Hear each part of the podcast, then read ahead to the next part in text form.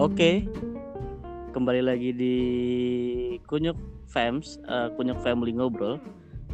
Kembali bersama gua, poster tampan ya, Badar Firdaus Arsi. Dan kali ini, podcast kali ini, kita ngobrol-ngobrol lagi, tapi dengan pembahasan topik yang berbeda. Kali ini kita membahas tentang topik apa sih perbedaan kuliah di dalam dan di luar negeri. Karena teman-teman saya ini ada yang kuliah di dalam negeri dan di luar negeri. Sangat relevan tentu saja. Mari kita sambut teman-teman saya. Halo, halo, halo. Iya, halo. Halo. Halo. Halo. Halo. Nah, coba Yo. orang ini kenalin diri satu persatu. Sama kuliah di mana, jurusan apa gitu. Jadi siapa dulu deh? Mau dari siapa? Rio kali ya, yang Indonesia dulu kali ya. Oke.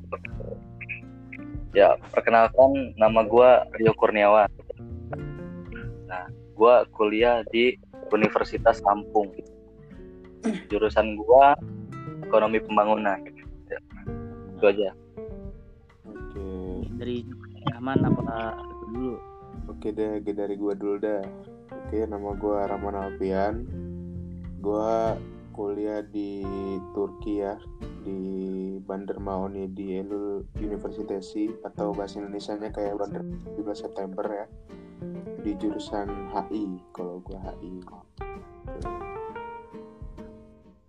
Iya Aldo. Ya perkenalkan ya, nama gue Zaki Nur Fazri Ronaldo. Eh gue juga kuliah di Turki. Kebetulan kampus gue sama dengan si Rahman tadi dan jurusannya juga sama bro. Jurusannya sama-sama HI ya. Sama-sama HI gue. Sama-sama HI. Oke. Apa ya kita mulai dari awal itu kan kita nih satu angkatan ya, ya kan. Iya, Jadi bedanya bedanya kalau saya tahun ini tahun kemarin belum diterima ya kan? gitu aja. Belum diterima. Berapa kali tolak ya? Lima kali lima kali atau empat kali tolak gitu kan. Terus ah, jadi gini kalau di awal kita setelah lulus kan biasanya pertanyaan yang sangat ingin gue tanyakan tuh kan gue belum kuliah nih gitu.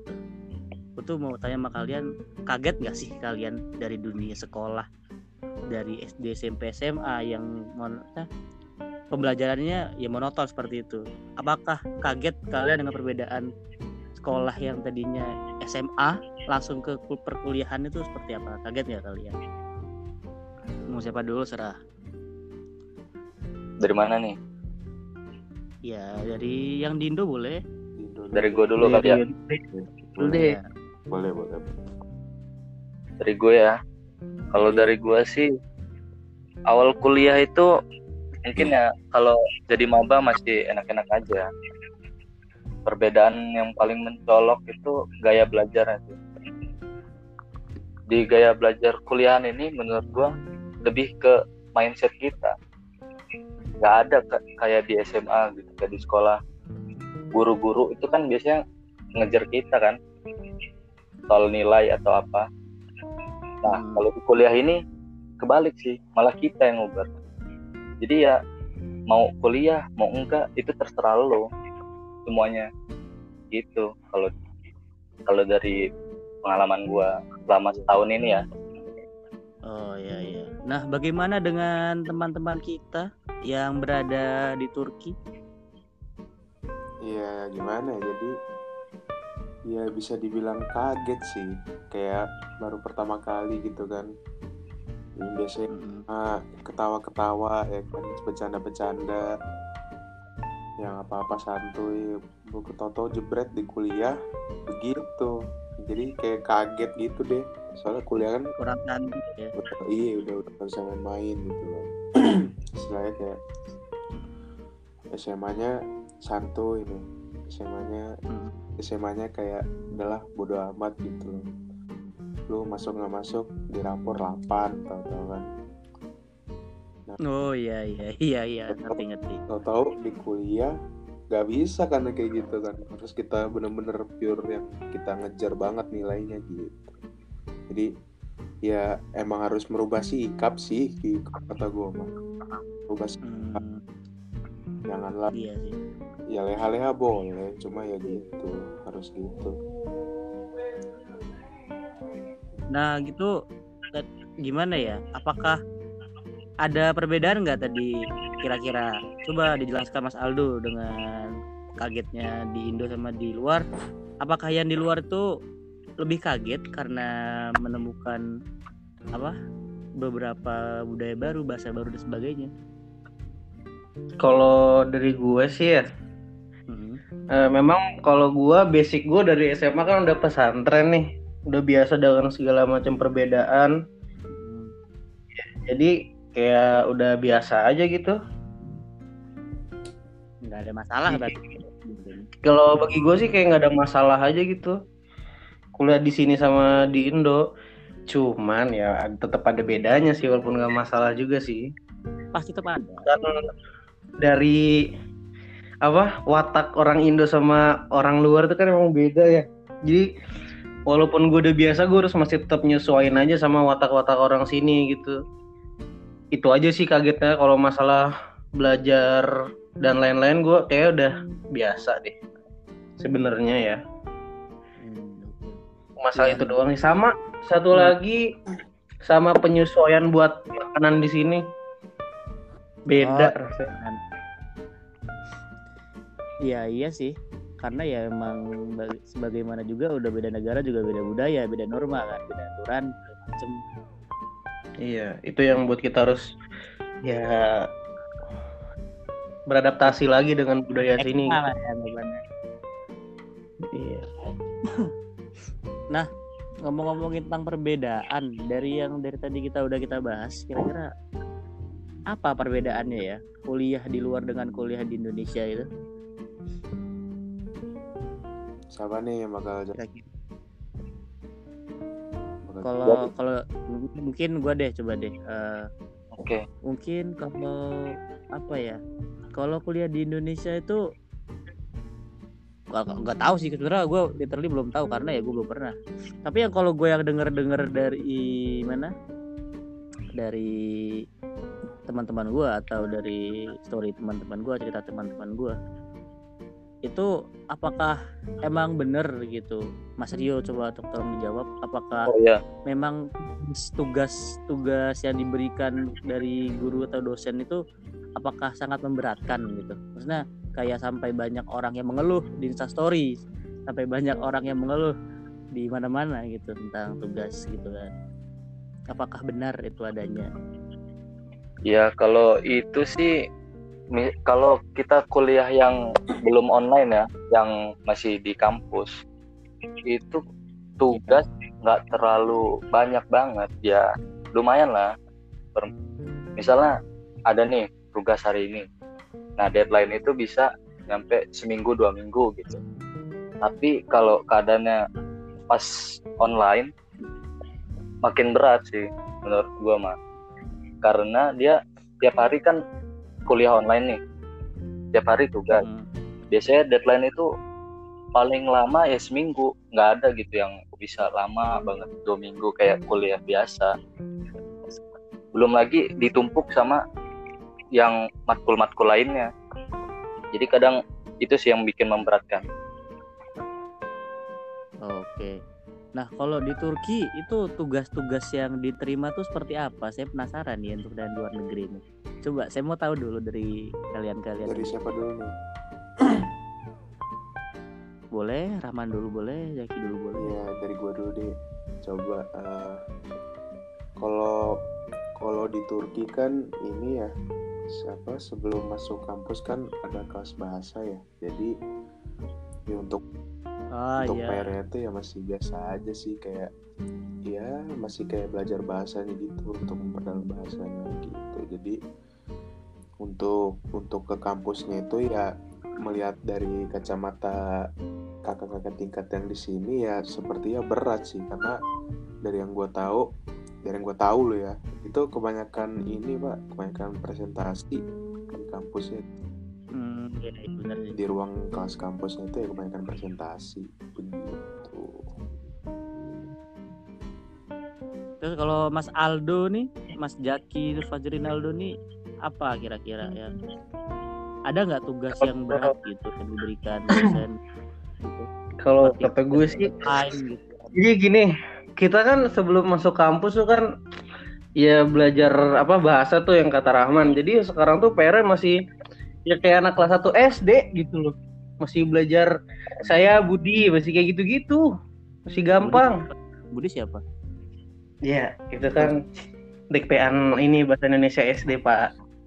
Saya kira bapak siapa? Jadi kayak kita apa? Belajar bahasa dari kelas 1 SD aja gitu. Jadi kita kayak ngulang gitu kan. Nah, terus kalau dari kata kakak kelas gua sama Rahman di benar sih memang katanya tahun pertama lu masuk jurusan itu adalah neraka lu dia bilang. Tapi bukan neraka jahanam eh, bukan neraka beneran. Oh, Maksudnya neraka itu kayak kita kan pastinya nih kayak belajar bahasa Indonesia nih kan ada bahasa baku, ada bahasa nggak baku gitu hmm. yang kita pelajarin di kursus bahasa itu adalah bahasa baku. Tapi ntar pas kita masuk universitas banyak bahasa yang nggak baku yang bakal kita terima. Jadi banyak bahasa baru lagi. Nah di situlah kita harus belajar lagi. Jadi menurut gue sih kalau di tahun pertama rintangannya masih ecek-ecek gitulah masih eh ujian ujian ngafal grammar ya gitu ya paling ya. Tapi nanti eh, ujian yang sebenarnya itu pas udah masuk ke jurusan. Nah masalah gue belum masuk jurusan nih, jadi gue nggak tahu udah ujiannya gimana tuh. Oh. Jadi Jadi menurut gue gitu aja sih. masih belajar bahasa Turki ya sepertinya ya. Iya masih belajar ini tangan saya gitu-gitu. Oh. Tangan saya dua, jarinya lima, dipakai Seperti- buat apa gitu. Seperti kembali ke sekolah dasar sepertinya. Dengan bahasa. Nah, tentang bahasa nih. Sebenarnya dengan adanya kelas grammar atau kelas apa ya pembelajaran bahasa baru untuk perkuliahan sebenarnya bagi kalian tuh cukup memberatkan gak sih? Kenapa kenapa apa? Sepertinya kenapa nggak ada kayak kenapa nggak pakai bahasa internasional? Kenapa nggak pakai bahasa Inggris gitu? Gitu kan. Apalagi kalian kan apa sudah terhitung murid internasional dibilang kan ya. Harusnya ada kelas internasional dan dengan perbedaan bahasa tersebut kalian harus mempelajarinya tuh kalian diberatkan nggak dengan bahasa baru gitu? Loh Kalau menurut gua sih dengan kita mempelajari bahasa baru tuh sama sekali nggak merasa berat ya karena ya notabene kita di sini gitu loh. Kita di sini. Hmm. ya at least kita harus punya pegangan bahasanya dong gitu. Masa ya kita di sini dengan berharap dengan gua harus apa ya gua gua harus bisa dapat Inggris gitu yang full bahasa Inggris ya gue bisa gue rasa sih lu nggak bakal ya gimana ya? Ya intinya kalau menurut gue belajar bahasa tuh nggak ada sesuatu yang perlu lo beratin lah. Soalnya di bawah have fun aja gitu dengan lo belajar bahasa baru ya udah. Hmm, iya, dirinya iya, seperti itu bagi. Iya. ayo Mas Aldo gimana Mas Aldo? Jadi kalau kata gua di mana lu? Tinggal lu harus belajar bahasa itu, ngerti nggak lu? Maksudnya? Ah, Jadi tinggal di gue harus belajar bahasa Turki. Karena gue tinggal dengan orang Turki. Jadi biar gue nggak dibego-begoin sama orang Turki. Nggak gitu pak. Iya. Gua- itu jadi nggak ada alasan gue buat kayak eh ngapain belajar bahasa Turki? Kayak gitu. Karena gimana ya? Emang bahasa internasional tuh ini ya penting juga sih bagi kampus. Mungkin ada yang nerapin itu kan. Cuman ya mau bahasa internasional juga ya tetap aja kita harus belajar bahasa daerah situ gitu loh. Dan kalau lo pengen kuliah di kampus yang pakai bahasa internasional doang lo kuliahnya di Inggris gitu ya nggak? Yo itu sih. Hmm gitu ya. Hmm sebenarnya emang sih bahasa tuh penting sih bagi tempat kita tinggal ya seperti yang Aldo bilang tadi biar nggak dibego-begoin aja sih bener Iya masalahnya gini pak, setiap orang turis nih turis Indonesia datang ke Istanbul itu pasti ada kesan tertipu pak masalahnya. pasti ada. Iya asli. apa Ada tuh? kesan tertipu. contohnya apa contohnya tuh Contohnya di taksi nih, hmm. ah iya kawan pernah ngerasain ya kata dia harusnya tuh jaraknya ini deket nih. Harusnya bayarnya cuma 20 tele misalnya.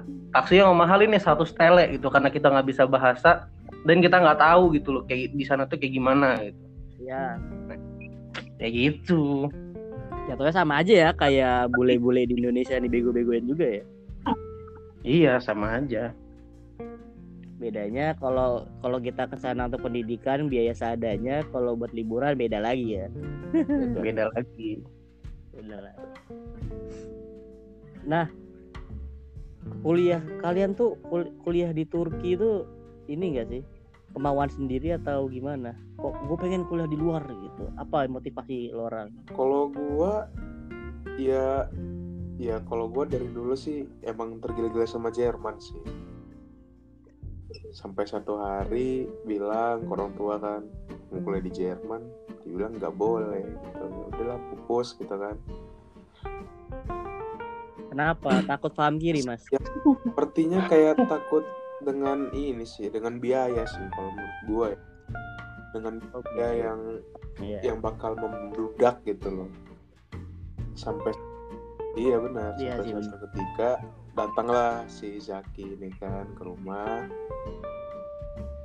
Iya saya iya, ingat itu. Kayak nawarin gitu loh kayak ada ada magic Iya. word sepertinya ya. ada misi-misi terselubung gitu kan. Iya. aduh deh, ayo ikut sini ke Turki ya. Oh ke Turki sekali ya. Bismillah daftar. Ya segala macam ikutin. Apa perlu diceritain nanti di pertanyaan selanjutnya nih? Eh, Nggak usah nggak usah nggak usah lah udah cukup kronologi ya belum Udah cukup gitu kan. kayaknya. nggak apa-apa biar durasinya nambah gitu kan nggak masalah nggak gitu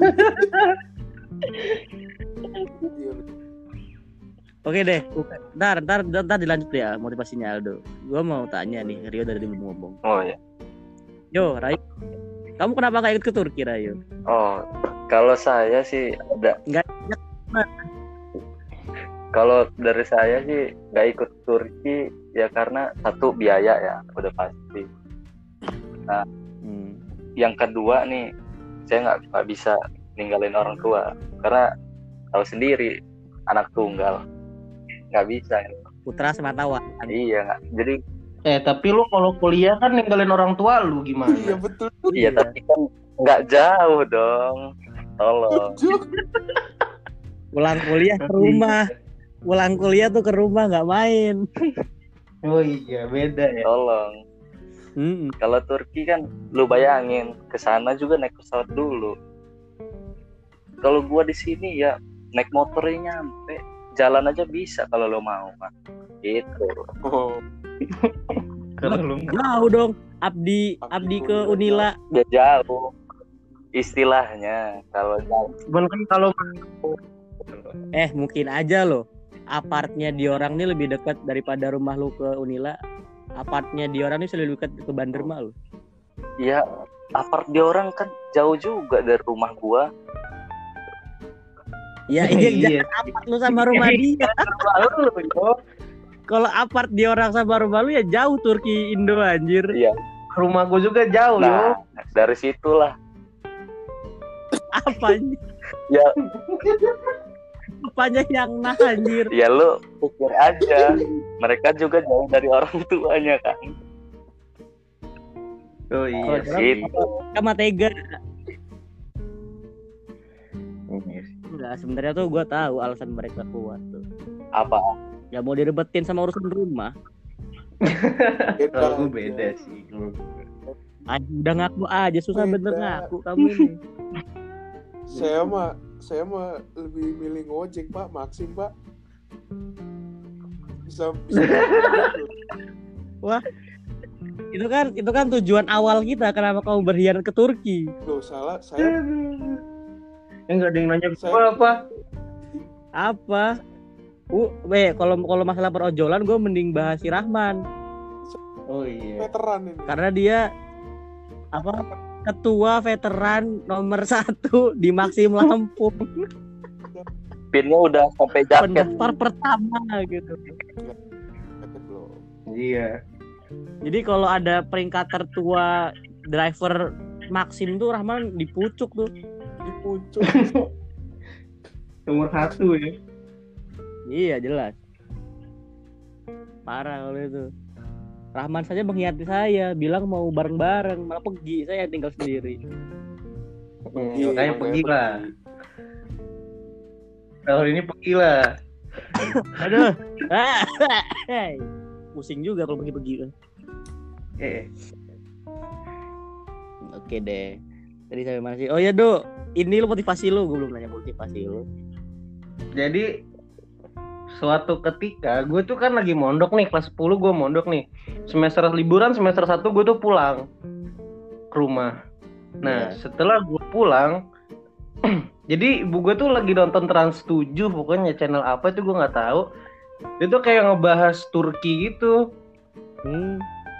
Nah, itu kat ibu gue tuh bilang, Dik, kamu nanti kuliah di Turki ya. Sebenarnya itu bukan motivasi gue, cuma itu awal dari doa gue pengen kuliah di Turki itu dari situ sebenarnya. Oh iya iya. Doa ibu.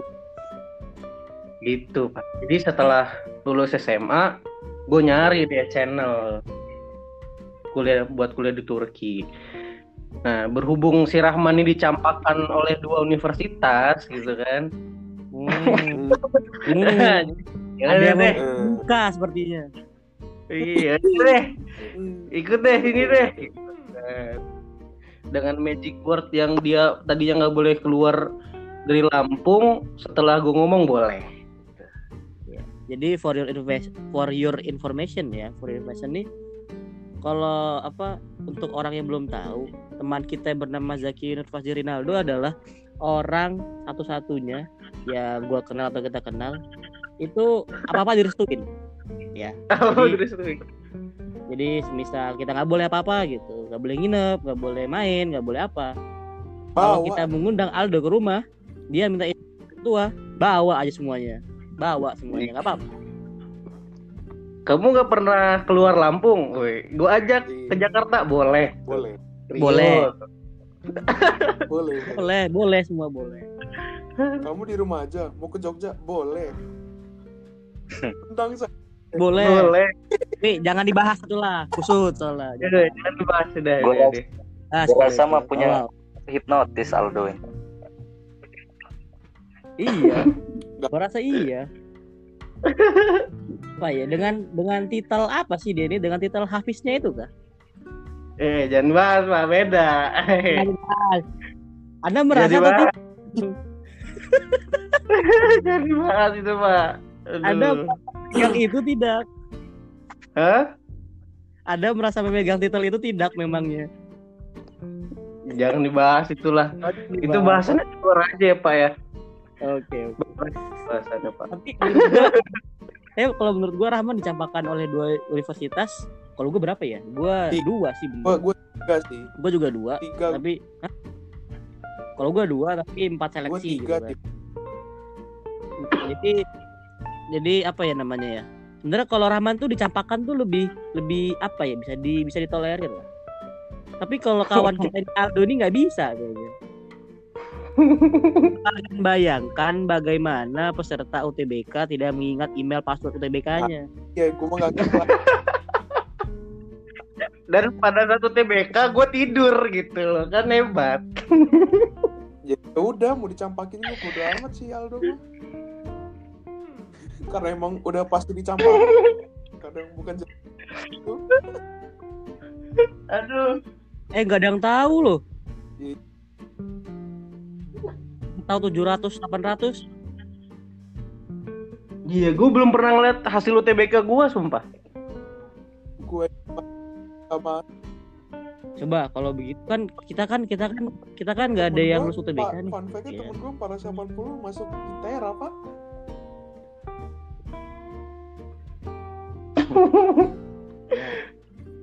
Coba Ya. kita tanya kiat sukses lulus UTBK bersama Rayo Kurniawan. Coba lu Rio.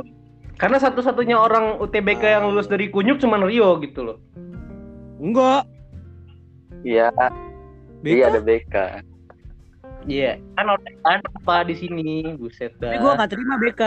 BK minjem buku gua, dia yang lulus gua kagak. Pokoknya tips and trick buat kalian kalau mau TBK nggak usah minjemin buku, dah. Hamin dua malamnya. Dar, lu punya buku nggak? Ada nih gua bawa. Gua pinjemin. Dia yang lulus gua enggak. Nah makanya itu tips and triknya dah. Jangan minjemin buku. Nggak bagus, nggak bagus, nggak bagus. Bagus. Udah coba tanya Rio dulu deh. Rio, gimana Rio. Rio? Kiat-kiat sukses TBK. Ya kalau dari gua sih ya, waktu itu gua belajarnya untuk UTBK itu berkelompok sih. Waktu itu bertiga gua sama teman gua. Belajar, belajar. Itu juga fokusnya ke stan sih, lebih ke stan. Bukan untuk SBM, bukan untuk Hmm. UTBK. Gue belajar fokus ke UTBK itu hamin seminggu lah, mingguan gitu. Baru belajar. Gokil. oke juga sih bisa dibilang karena teman-teman gue ya gitu juga nilainya tapi gue juga nggak ngerti dah sistemnya gimana tuh Tapi kalau kita telaah ya, duh, man. Sebenarnya Rio ini dikit-dikit hoki. Apakah dia orang hokiawan? Seorang hokiawan bagaimana? Oh iya, Bapak GM. game gitu sih Lagi bawa juga loh. Bahaya bener Jadi ini. for your information, teman kita yang bernama Rio Kurniawan nih bapaknya GMG Treats gitu loh. waduh Iya, Demon saya ini. Kamu berarti, oh pada berarti ngalahin Rio di game, benar kamu. Benar. negara gitu mah Boleh sebut merek. Merek? Gue sampai lupa tadi lu pengen bahas apa? Sebut merek gak? Sebut aja kita gak ada sponsor. Oh iya, podcast kali ini disponsori oleh Warung. Bunda City Oh iya. Itu sih. sama es krim sama apa sama apa yuk Warung apa Bude. do kedai lu eh kedai apa namanya Martabak. Petis. martabak Iya. overseas sama TK Satria Tega Satria. Jadi buat adik kalian yang masih apa kecil mau masuk TK bisa masuk ke TK Satria. betul hubungi Rahman Sebenarnya Hubungi satu Rahman. sih. Biar keterima PTN tuh satu ya, simple. Follow Celebrum sama Ripa JP udah simple.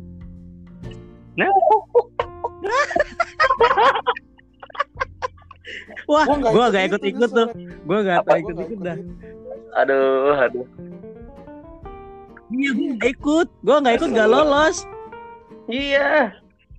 gua nggak ikut gak lolos. Parah sih. apa harus kita bahas Ah. Ah, dua jam nanti. Jangan. Jangan. Saya saya tidak suka orang-orang yang self proclaim saya tidak suka. Tolong. Saya tidak suka itu. Kata siapa? Banyak juga kok yang nge-share story. Eh kerja juga akhirnya nggak kuliah. Yo monggo monggo. Gue lanjut Ah, lanjut. Pengen ngomong apa ya? Hmm oh ngebahas sistem UTBK tahun kemarin. Lu kesannya aja ya? Kalau gua bagi gua. Saya tidak terima. Ya saya tidak terima satu. Saya tidak terima karena nilai UTBK kedua saya jelek. Pertanyaan bagus. Saya nggak terima. Saya nggak terimanya tuh kenapa ingat gak lo ingat gak lo yo? Yang hari-hari terakhir Hamin tiga apa Hamin dua yang LTMPT ngumu- ngumumin nilainya bisa Oh, iya, dicampur? Sebagaimana enggak sebagaimana kita tahu di awalnya kan ini apa namanya kayak nilai dari UTBK 1 atau 2 yang paling tinggi Iya, yang mana diambil kan tapi di saat detik-detik terakhir Hamin 3 atau Hamin 2 di saat nilai UTBK gua yang kedua kecil nah keluar itu. Nilainya bisa dicampur ya ilah kata gua. Ya udah kagak ada harapan gue cuma pakai yang pertama gitu. Ka- kayaknya mas ya. Soalnya itu Ben- bener-bener gak Iya. adil cuma gak fair Iya. dicampur emang nggak tahu juga sih itu kebijakan LPMPT gimana soalnya gue kira mah ya itu nilai kita milih-milih sendiri pas kita daftar SBM tuh tapi itu nilai kita Iya. dua-duanya itu misalnya kita ikut dua kali nggak bisa diapa-apain jadi nggak tahu gua Ya tidak apa yang Iya, makanya sana. yang yang gak tau lah LTMPT tuh. menurut gua ini kalau menurut gua gini dia ngambilnya per itu loh per kayak apa sih mapel apa per, Oh, per iya. mata itulah ya jadi misal kuantitatif lo di UTBK pertama bagus di kedua kurang yang diambil yang pertama gitu. Ntar kalau yang yang apa yang dasar yang lain-lainnya gitu kayak matematika sosumnya bagus yang kedua jadi jadi yang diambil yang kedua gitu. ada sih. gitu. Iya, waktu itu gue marah man, ya ilah dicampur Gua man, mending Rahman sekali, cuma sekali pula waktu itu zamannya. Gue dua kali ya, parah. Gue cuman sekali lupa lagi email password. Tidur lagi. Tidur lagi. Iya. Ini kelasnya tuh ber AC ya. Dulu itu gue kebetulan malam sebelum UTBK tuh begadang karena ada temen datang gitu kan dari pondok ya begadang jadinya. Ya udah deh. Ngantuk gue di kelas. Oh, ini ya, yang temen waktu itu ML-an bana bocor itu ya, yang berisik itu. Kan. Ya ya yang itu deh pokoknya deh. Ah, aduh. Karena itu tuh yang sangat memberatkan tuh Iya, mendadaknya. sama itu. aja kayak kita apa mereka tidak tahu tapi fun fact ya fun fact ya nilai nilai gue bagus nilai gue misalnya UTBK-nya mending gitu rata-rata ya kan di rata-rata dikit gitu itu di saat sebelum UTBK tuh sholat nah UTBK pertama sebelum UTBK gue sholat sholat zuhur UTBK kedua enggak jelek nilai gue Harusnya sholat dulu. Nah pertanyaannya tuh kenapa lu nggak sholat? Tuh. telat telat doh sumpah gue nyari kelas susah banget gitu Eh telat apa ada masalah lain? telat bener-bener telat gue nggak tahu ruangan yang mana Ya udah deh, iya deh bang telat ya. telat. Telat ya om Gak pernah telat. Ya udahlah, Telat. TBK yang berlalu biarlah berlalu lah, gak usah curhat deh. Udah deh. ya gimana nggak telat besok gue UTBK lagi. Makanya tadi tuh kiat-kiat suksesnya Rio nih harus dipergunakan. Kalau nggak gue minjem buku orang kali ya, ya. berarti minjem buku orang kali ya minjem buku orang biar lu, lo lulus orangnya enggak gitu. ayo Hmm. lagi iya sih bener sih udahlah udahlah sele- seleksi perguruan tinggi biarlah seleksi perguruan tinggi ya Iya. ya udah deh karena tadi Rio ini membahas tentang kenapa ia tidak ikut ke Turki itu dikarenakan masalah biaya nah apakah biaya di luar negeri dengan di Indo tuh beda untuk perkuliahan itu perlu perlu perkuliahan ya coba dari dulu Oh, gimana kalau dari Rio? gua sih ya, gua nggak tahu sih biaya di Turki itu gimana. Kalau dari dari kalau di- dari Indo ini Iya. standar-standar aja sih. Paling kalau untuk yang mahal itu swasta sih. Standarnya perguruan tinggi Indonesia itu berapa Ya kalau aja. untuk ilmu-ilmu yang kayak kedokteran gitu-gitu paling tinggi nih. ya. Kemarin gue lihat 17 juta sih UKT. Kalau ya kayak jurusan-jurusan gua paling tinggi ya 6 jutaan lah. Per semester. per semester itu Oh. per semester Wah. wow wow tapi kan Wow. Fantas. wow, UKT ya. semester tuh tuh ya Ya kalau Eh, ya kan belum ditanya, belum ditanya. Oh, iya, Ntar dulu dong. Anda menyela saya itu namanya.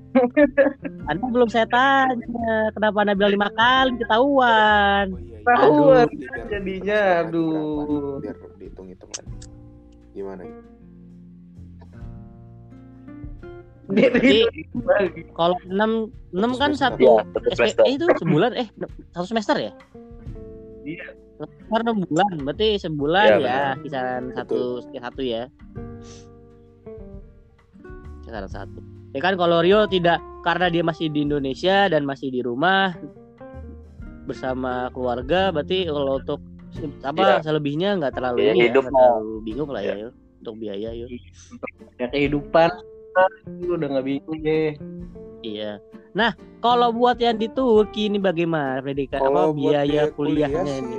untuk UKT ya itu cenderung murah sih. Rata-rata Hmm. rata-rata ya buat SPP gitu satu setengah pak buat satu semester satu setengah ada yang dua setengah gitu ya paling mahal tuh ya kayak buat S2 yang 3 jutaan Ya, pokoknya kalau buat S1 itu ya untuk SPP sekitar satu satu juta dua juta dah per semester gitu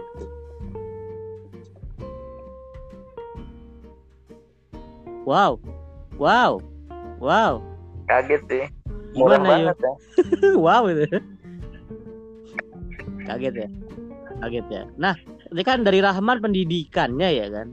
Uang pendidikannya. Nah, kalau Aldo uang kehidupan tuh bagaimana, Duh? Kan Anda Menurut- tidak bersama orang tua lagi kan, Anda sendiri gitu kan. Sudah hidup mandiri. Kok gue nggak sendiri sih, gue bertiga sama temen-temen gue di sini. Bisa dibahas kok gue bilang mandiri tolong. Oh iya, J- ya untuk biaya hidup tuh sebenarnya tergantung gaya hidup. Jadi biaya hidup kita tuh sebenarnya tergantung gaya hidup. Kenapa? Karena kalau biaya hidup apa gaya hidup kita mahal ya berarti otomatis kehidupan kita biaya naik gitu. Tapi kalau kita memaksa diri kita untuk gaya hidup yang biasa-biasa aja, ya di Dua Turki pun sebenarnya dua juta lima ratus cukup buat sebulan. Hmm. 2 juta pun cukup gitu bahkan. Untuk tempat tinggal segala macam apakah apa dengan 2 juta itu cukup? Cukup. Jadi 2 juta 500 tuh udah sama kontrakan udah buat lu makan gitu. Sama Hmm. ongkos bis gitu. Mau ongkos bis. Iya, iya. Kalau lu gaya hidupnya sederhana ya, tapi karena kalau gaya lu hype bis gitu kan wih.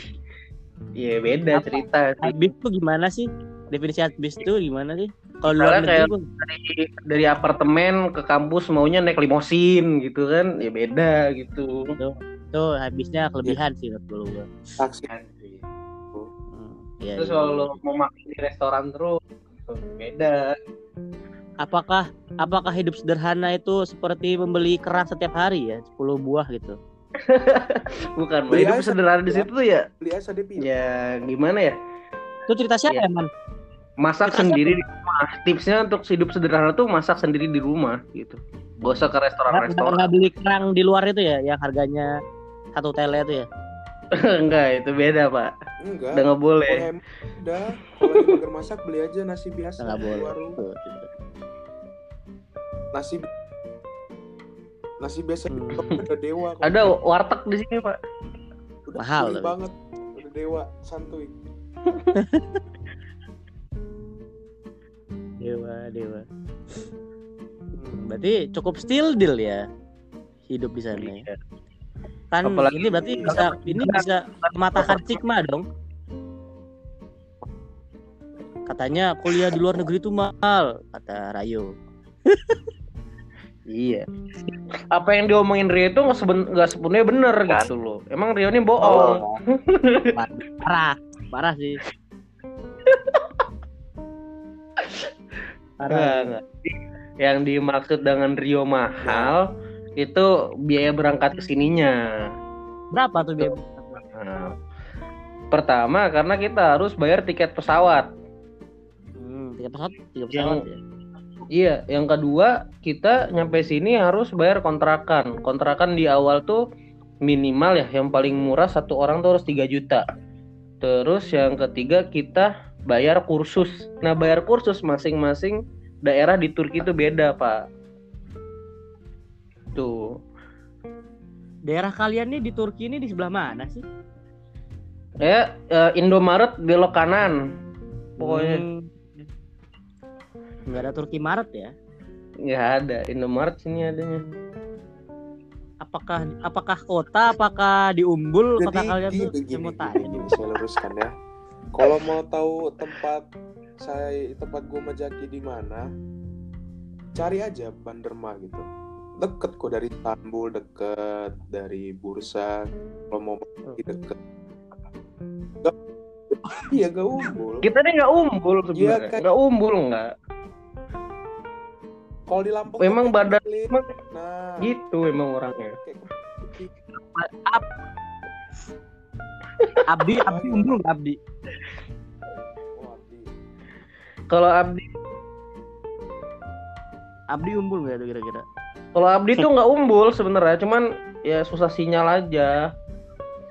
parah parah yuk gua Bener, ngomong bener, loh memang. Ngomong ya Ih. ikutan ya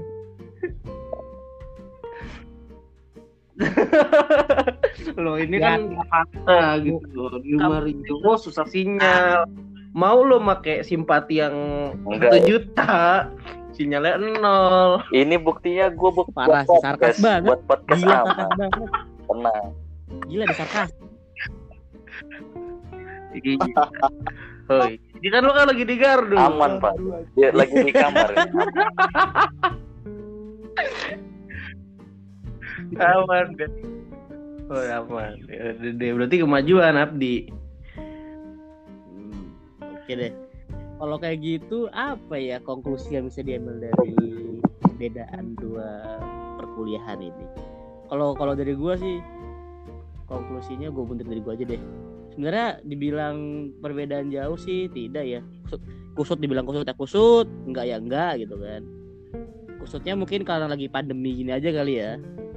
Banyak banyak apa apa apa apa dikasihnya ditumpuk online gitu kan segala macem gitu kan. Tidak ada kelas kelas apa kelas Iya. langsung gitu kan kelasnya online tugas tugas tugas mungkin kan tapi menurut gue konklusi di sini tuh yang membedakan tuh hanya apa tadi ya biaya hidup sih sebenarnya Iya.